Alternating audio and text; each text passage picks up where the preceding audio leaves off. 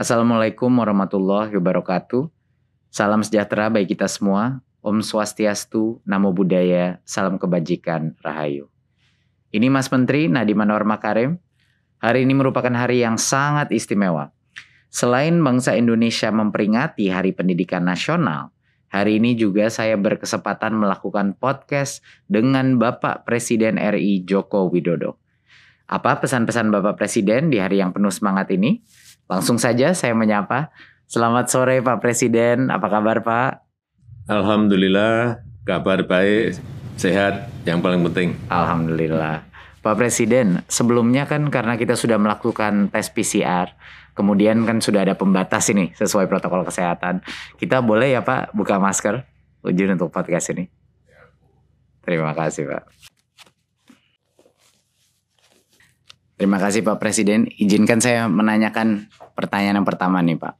Hari ini kan Hari Pendidikan Nasional Pak Presiden apa makna Hardiknas ini bagi Bapak? Uh, semangat Ki Hajar Dewantara. Ini yang kita harus ingat semuanya. Bahwa pendidikan itu haruslah memerdekakan manusia. Beliau menyampaikan itu. Dan itu kita harus ingat semuanya. Karena bagi Ki Hajar Dewantara, pendidikan harus memerdekakan kehidupan manusia. Kemerdekaanlah yang menjadi tujuan. Jadi kita di eh, Indonesia dengan berbekal pendidikan, semua orang boleh menjadi apa saja. Ini juga penting, perlu digarisbawahi. Tapi selain itu harus juga menghormati kemerdekaan orang lain. Untuk itu saya mau mengingatkan berhubung uh, hari ini adalah hari uh, pendidikan nasional agar sistem pendidikan Indonesia sekali lagi haruslah memerdekakan manusianya dan membangun jiwa dan raga bangsa. Coba saya ingin juga bertanya pada Mas Menteri, apa filosofi uh, Ki Dewantara yang terkenal di dunia pendidikan? Tentunya filosofi merdeka belajar Pak Presiden itu yang Pak Presiden baru saja jelaskan. Tapi ada juga satu lagi yang uh, pakai bahasa Jawa, Ingarso sung tulodo, ing mangun karso, tutwuri handayani. Nah ini yang artinya yang di depan memberi teladan, di tengah memberi bimbingan, dan di belakang memberi dorongan. Jadi sebenarnya esensi dari ini adalah jiwa kepemimpinan dari pendidik itu luar biasa pentingnya. Konsep gotong royong yang sudah kita buahkan dalam profil pelajar Pancasila itu sebenarnya arah merdeka belajar Pak Presiden. Hmm, jadi tadi apa? Ing ngarso sung tulodo, ing matyo mangun karso, tutwuri andayani. Saya kira semua kita harus ingat mengenai ini. Betul, betul. Jadi bisa kita gunakan sebagai analogi sekolah, Pak. Sekolah-sekolah di depan yang sudah lebih maju, sekolah-sekolah penggerak misalnya, mereka yang memimpin dan melihat menjadi teladan. Sekolah-sekolah di tengah, mereka membimbing kelasnya mereka, melakukan transformasi di dalam. Dan sekolah-sekolah yang mungkin masih di belakang, itu diberikan dorongan dan mereka harus meminta ke dinas, ke pemerintah untuk bantu mengupgrade saya. Jadi itu salah satu filsafat gotong royong tapi ekosistemnya Pak yang dikuatkan. Jadi menurut saya itu yang terpenting. Tapi menurut saya Pak Presiden saya sangat setuju sama Pak Presiden bahwa kemerdekaan berpikir, kemerdekaan berkarya, kemerdekaan bertanya, pertanyaan-pertanyaan sulit itu yang impian kami ya Pak untuk di kelas-kelas kita sehingga anak-anak ini bisa uh, merdeka dalam menjadi apa pun yang sesuai dengan minat dan bakat mereka. Gitu Pak. Sekarang kita dalam situasi pandemi nih Pak Presiden. Apa yang menurut Pak Presiden menjadi tantangan dalam mewujudkan pendidikan yang memerdekakan itu? Ya ini kalau kita gunakan cara-cara lama, ya pendidikan tidak bisa jalan di era pandemi ini, nggak akan bisa. Perlu cara-cara baru digital, hybrid ini dan kita harus apa? Harus cepat adaptasi, harus adaptif, kreatif dan ada inovasi-inovasi terus. Situasi pandemi seperti saat ini tidak hanya dihadapi oleh Indonesia saja. Semua negara mengalami. Seluruh Lebih dunia. dari 215 negara mengalami. Dan pandemi ini mengubah secara drastis kehidupan kita. Dan untuk memutus penyebaran COVID, kita juga sudah memutuskan untuk pembelajaran jarak jauh, pembelajaran yang dilakukan secara eh, daring. Dan tantangannya adalah bagaimana memastikan pembelajaran dapat tersampaikan dengan baik, terutama untuk yang apa pendidikan dasar. Dan ini guru-guru dituntut betul-betul untuk kreatif dan eh, inovatif. Dan kondisi pandemi ini harus juga kita manfaatkan untuk mengevaluasi, mengkoreksi total dunia pendidikan kita. Pandemi juga jangan menjadi penghalang untuk mencapai kemajuan dan saya sangat berharap cita-cita untuk mencapai SDM unggul itu tidak berhenti agar pendidikan yang berkualitas bagi seluruh rakyat Indonesia ini benar-benar dirasakan oleh rakyat kita dari Sabang sampai Merauke, dari Miangas sampai Pulau Rote, semuanya merasakan. Sebenarnya banyak sekali Pak Presiden hal-hal yang sebelumnya intuisi kita sudah merasakan perlu ada perubahan di pendidikan, tapi karena pandemi ini itu menjadi jauh lebih jelas. Kesenjangan digital, akses internet yang tidak merata, ya kan akses guru berkualitas yang tidak merata. Penganggaran kita yang mungkin tidak me- me- memprioritaskan daerah-daerah 3T, Pak. Itu semuanya Ketahuan semuanya. Ketahuan. Ketahuan semuanya, kelihatan semuanya karena pandemi ini. Betul. Dan ini menjadi koreksi kita dan menjadi bahan evaluasi kita untuk kita perbaiki. Betul Pak Presiden. Dan kita juga udah melihat Pak Presiden belum pernah kita melihat jumlah guru yang hari ini terpaksa untuk mempelajari berbagai macam platform pe- pendidikan. Itu kalau tidak ada pandemi nggak mungkin Pak, bisa 10 tahun kita mencapai itu. Tapi karena pandemi jumlah guru dan orang tua yang belajar teknologi Pak luar biasa. Dan mereka sekarang mengakses seminar-seminar online kita, partisipasinya semuanya memecahkan rekor-rekor. Jadi luar biasa semangat guru di masa pandemi ini. Dan sekarang kita sudah masuk dalam tahap vaksinasi. Nah, Pak Presiden telah memperjuangkan untuk guru dan tenaga pendidikan itu menjadi salah satu prioritas untuk vaksinasi, Pak. Tapi eh, apa saja menurut Pak Presiden mengenai vaksinasi ini eh, agar kemajuan pendidikan ini tidak terhalang? Apa menurut Bapak? Vaksinasi ini harus. Hmm. Karena kita harus mencapai eh, herd immunity, Ya. kekebalan komunal. Jadi kekebalan komunal juga harus. Karena kita punya target, ada target pendidikan yang perlu dari offline ke hybrid. Waktu itu Mas Menteri mendampingi saya toh. Iya, Pak. Ya, pemerintah eh, sudah memulai eh, vaksinasi bagi eh, tenaga pendidik dan kependidikan. Ini agar apa? Agar para pengajar ini terlindungi dan juga anak-anak kita bisa terlindungi dan anak-anak kita juga bisa segera sekolah tatap muka tapi terbatas, tatap muka terbatas. Ya. Harapan saya ini seluruh tenaga pendidik, tenaga kependidikan dapat segera divaksinasi karena saya telah menyampaikan ke Menteri Kesehatan beri prioritas. Dan dengan segala daya dan upaya kita ingin segera mengembalikan anak-anak kita ke sekolah, tapi juga dengan catatan harus aman Ya. dari COVID. Ya. Kita bisa segera mengejar ketertinggalan yang disebabkan oleh pandemi. Jadi kalau nanti sudah mulai tatap muka terbatas, betul-betul secara ketat harus menjalankan protokol kesehatan. Betul. Kemudian kita evaluasi setiap wilayah seperti apa. Dan setelah itu kita akan memutuskan lagi kebijakan ke depannya akan seperti apa. Gimana kira-kira?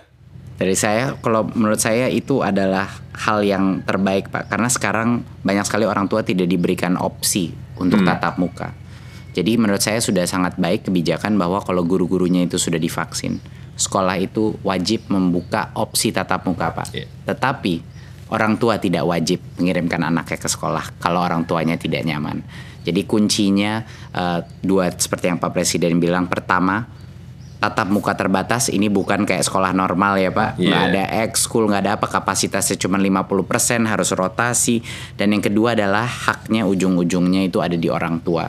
Tapi saat ini kalau ada orang tua pilihan aja mereka tidak punya di beberapa sekolah dan mereka mengalami banyak kesulitan. Jadi kami uh, dan uh, bekerja sama dengan Kementerian Kesehatan untuk memastikan mendorong Pemda-pemda dan sekolah untuk melaksanakan vaksinasi dan melakukan tatap muka, Pak. Iya, yang penting akhir Juni itu vaksinasi untuk pendidik dan tenaga kependidikan harus sudah selesai. Karena nanti di tatap muka terbatasnya di bulan Juli kan. Iya, sebenarnya Pak tatap mukanya udah bisa mulai jalan kalau sudah divaksin.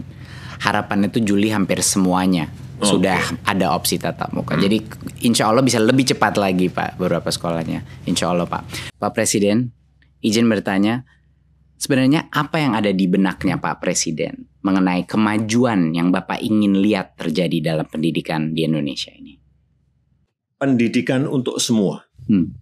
Artinya inklusif sampai ke pinggiran, sampai ke pelosok desa, pelosok tanah air. Tapi pendidikan yang berkualitas. Ya, itu kunci. Yang kompetitif. Dua-duanya harus berjalan bersamaan. Ini kan yang saya tugaskan ke Mas Menteri. Justru dengan sekarang ini ada pandemi, terjadi percepatan untuk digitalisasi. Jadi uh, kalau kalau melihat di lapangan uh, proses belajar jarak jauh yang kita lakukan, menurut Mas Menteri seperti apa? Banyak kendalanya. Hmm. Banyak yang nggak punya HP, banyak yang nggak punya koneksi internet, dan kita melihat di dunia memang kualitas daripada pembelajaran itu ada penurunan. Tapi hal yang dipelajari para guru-guru dan anak-anak mengenai platform-platform digital ini menjadi suatu kesempatan emas bagi kita, Pak Presiden, untuk mengikuti uh, uh, uh, perkembangan itu dan menggunakannya uh, uh, untuk transformasi pendidikan seperti yang Bapak bilang hybrid. Walaupun anak udah kembali ke sekolah, nanti berbagai macam platform teknologi akan meningkatkan kolaborasi antara guru, orang tua, dan murid dengan cara-cara yang belum bisa kita prediksi tapi kesempatannya banyak sekali Pak. Jadi sudah ada terobosan-terobosan? Sudah Pak. Ke sana? Ada beberapa ya. Pertama yang saya bilang tadi adalah digitalisasi sekolah akan menjadi salah satu fokus utama di dalam uh, program Merdeka Belajar ini. Tapi ada beberapa program-program yang sangat uh, uh, penting yang sudah diluncurkan Pak walaupun dalam masa pandemi. Yang pertama adalah ujian nasional kita ubah menjadi asesmen nasional di mana sekarang kita bukan mengukur informasi tapi kita mengukur numerasi dan literasi kemampuan bernalar Pak sesuai dengan standar internasional. Dan pertama kalinya di sejarah kita Pak Presiden kita akan menambahkan survei karakter. Di hmm. mana nilai-nilai Pancasila akan bisa kita ukur dan kita kuantifikasi per sekolah. Isu-isu seperti intoleransi kekerasan seksual dan perundungan bisa kita ukur oh, Pak bagus Presiden. Sekali. Dalam bagus sekali. Per sekolah Pak, nanti ada peta-petanya gitu. Bagus sekali. Jadi ini program big data, salah satu program big data pertama kita Pak. Bagus Pak sekali. Presiden selalu menagih saya mengenai melakukan digital government. Jadi ini step pertama kita Pak. Ya itu lompatan yang ingin kita lakukan kan di situ. Betul, betul Pak. Dan yang kedua Pak adalah program guru penggerak di mana regenerasi kepemimpinan kepala-kepala sekolah kita, pengawas kita, guru-gurunya LPTK kita itu akan keluar dari alumninya guru penggerak, Pak. Hmm. Saya baru aja di Papua, Pak. kemarin luar biasa sama di Kalimantan Timur banyak dari guru penggerak yang ikut program baru lima bulan nangis-nangis depan saya Pak Presiden. Mereka nangis karena apa Pak? Mereka nangis karena menurut mereka program ini membuat mereka menyadari berbagai macam mispersepsi mereka mengenai apa artinya pemimpin di dunia pendidikan Pak. Jadi strategi kedua kita Pak adalah untuk meluncurkan regenerasi kepemimpinan. Kepala-kepala sekolah kita semua bakal alumni dari guru penggerak. Ketiga Pak, kita transformasi keuangan ini yang dengan dukungan Pak Presiden sangat membantu Pak. Dana bos yang tadinya suka datang telat Pak di daerah, kita nggak lewat pemerintah uh, daerah langsung transfer ke sekolah biar kepala sekolahnya nggak perlu nalangin dulu. Biasanya minjem-minjem Pak sama orang tua untuk bulan-bulan pertama. Sekarang alhamdulillah transfer langsung. Kedua, kepala sekolah sekarang punya fleksibilitas Pak dalam penggunaan dana BOS. Mereka bisa gunain kadang ada yang kebutuhannya buku, kadang kebutuhannya digital, kadang-kadang kebutuhannya masker. Adapun yang kebutuhannya perahu untuk nyebrangin anak-anak dari pulau iya, sebelah, Pak. Iya, ini kan negara besar ya. Kebutuhan Betul. di setiap sekolah, di setiap daerah, di setiap provinsi itu pasti beragam, berbeda-beda. Betul. Jadi nggak bisa tidak selalu kayak Pak Presiden waktu saya pernah ngobrol sama Pak Presiden, keseragaman itu belum tentu keadilan. Iya betul. Itu Pak. Dan saya saya mengambil nasihatnya Pak Presiden lalu kita buat lewat kebijakan Pak Presiden juga yang mendorong saya waktu itu untuk melakukan transformasi dana bos majemuk Pak Presiden.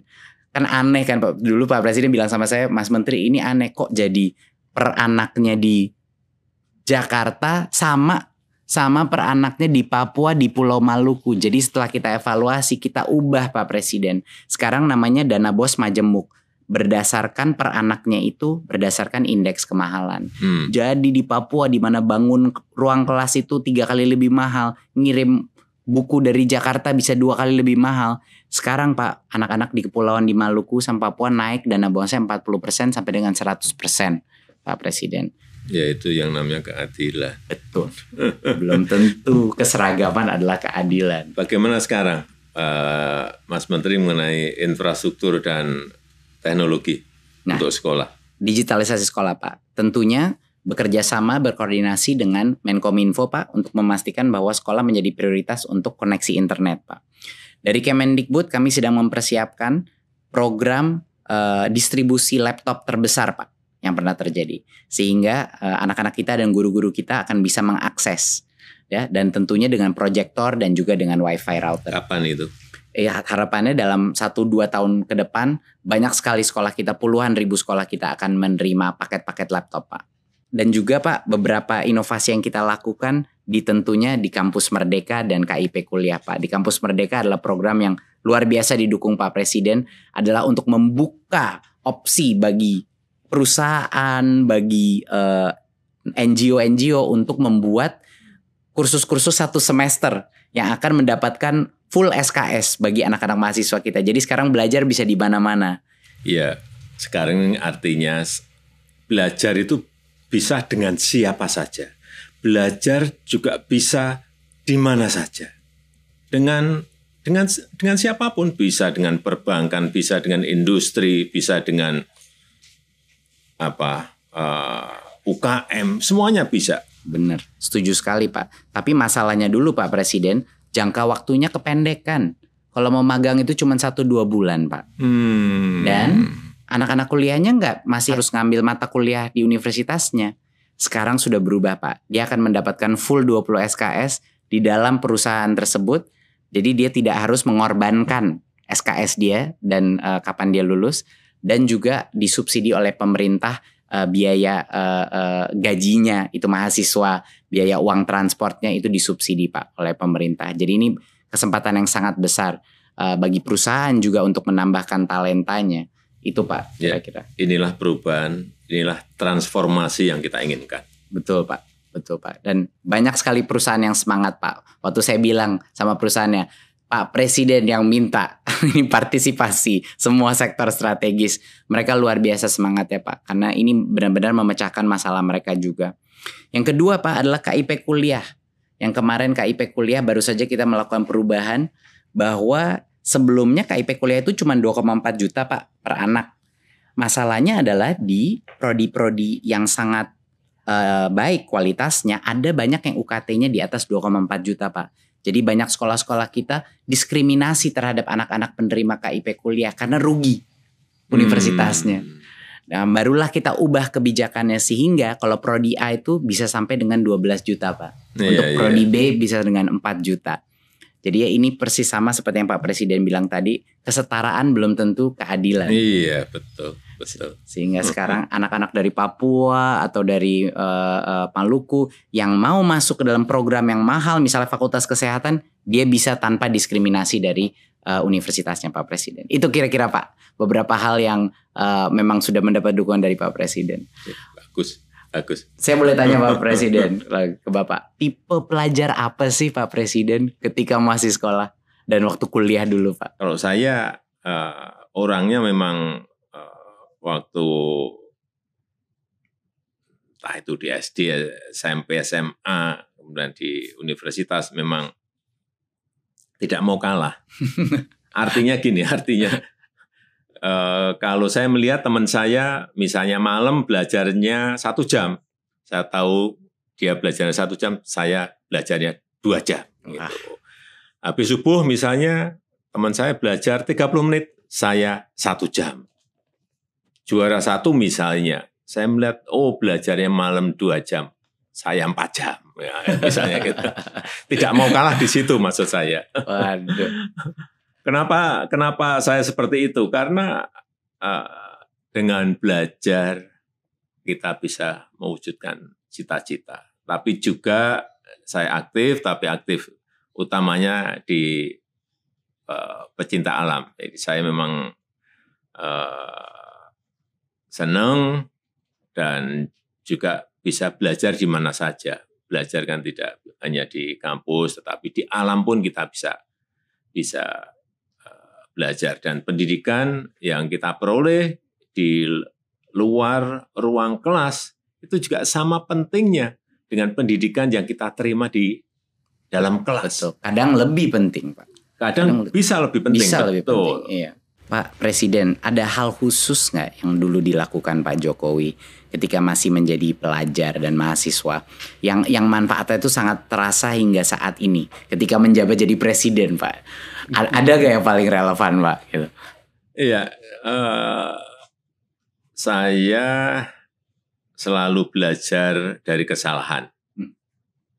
Kemudian juga tidak pernah uh, putus asa dan saya senang yang namanya kompetisi. Saya pikir itu yang apa juga membuat saya berani memulai berwirausaha mulai dari nol sebelum menjadi pejabat publik. Kalau kita tidak berani uh, berbuat sesuatu yang kita tahu akan baik untuk perkembangan diri, bahkan baik untuk sesama, ya saya pikir kita tidak akan bisa maju. Dari dulu saya itu suka apa? Suka ingin tahu. Dan semuanya ingin tahunya juga secara detail. Lihat betul. Sangat. Saya, saya Pengennya gitu. Saya merasakan itu Pak di meeting-meeting sama Pak Presiden waktu awal-awal. Setiap kali saya duduk Pak Presiden itu, saya kira saya akan di digurui gitu Pak. Tapi ternyata Pak Presiden yang menanya begitu banyak pertanyaan dan selalu mencatat. Tapi apa Pak Presiden dari dulu memang seperti itu Pak? Selalu yeah, ingin bertanya detail. Iya, iya. Oleh karenanya sekarang pun juga sama seperti itu. Kenapa saya cek ke lapangan setiap pekerjaan-pekerjaan secara detail. Secara detail pun kadang-kadang masih meleset apalagi tidak. Betul, setuju sekali Pak boleh boleh saya tanya Pak Presiden. Pak Presiden, apakah ada pesan mungkin penyemangat untuk para pendidik dan pelajar di Indonesia di Hari Pendidikan Nasional ini?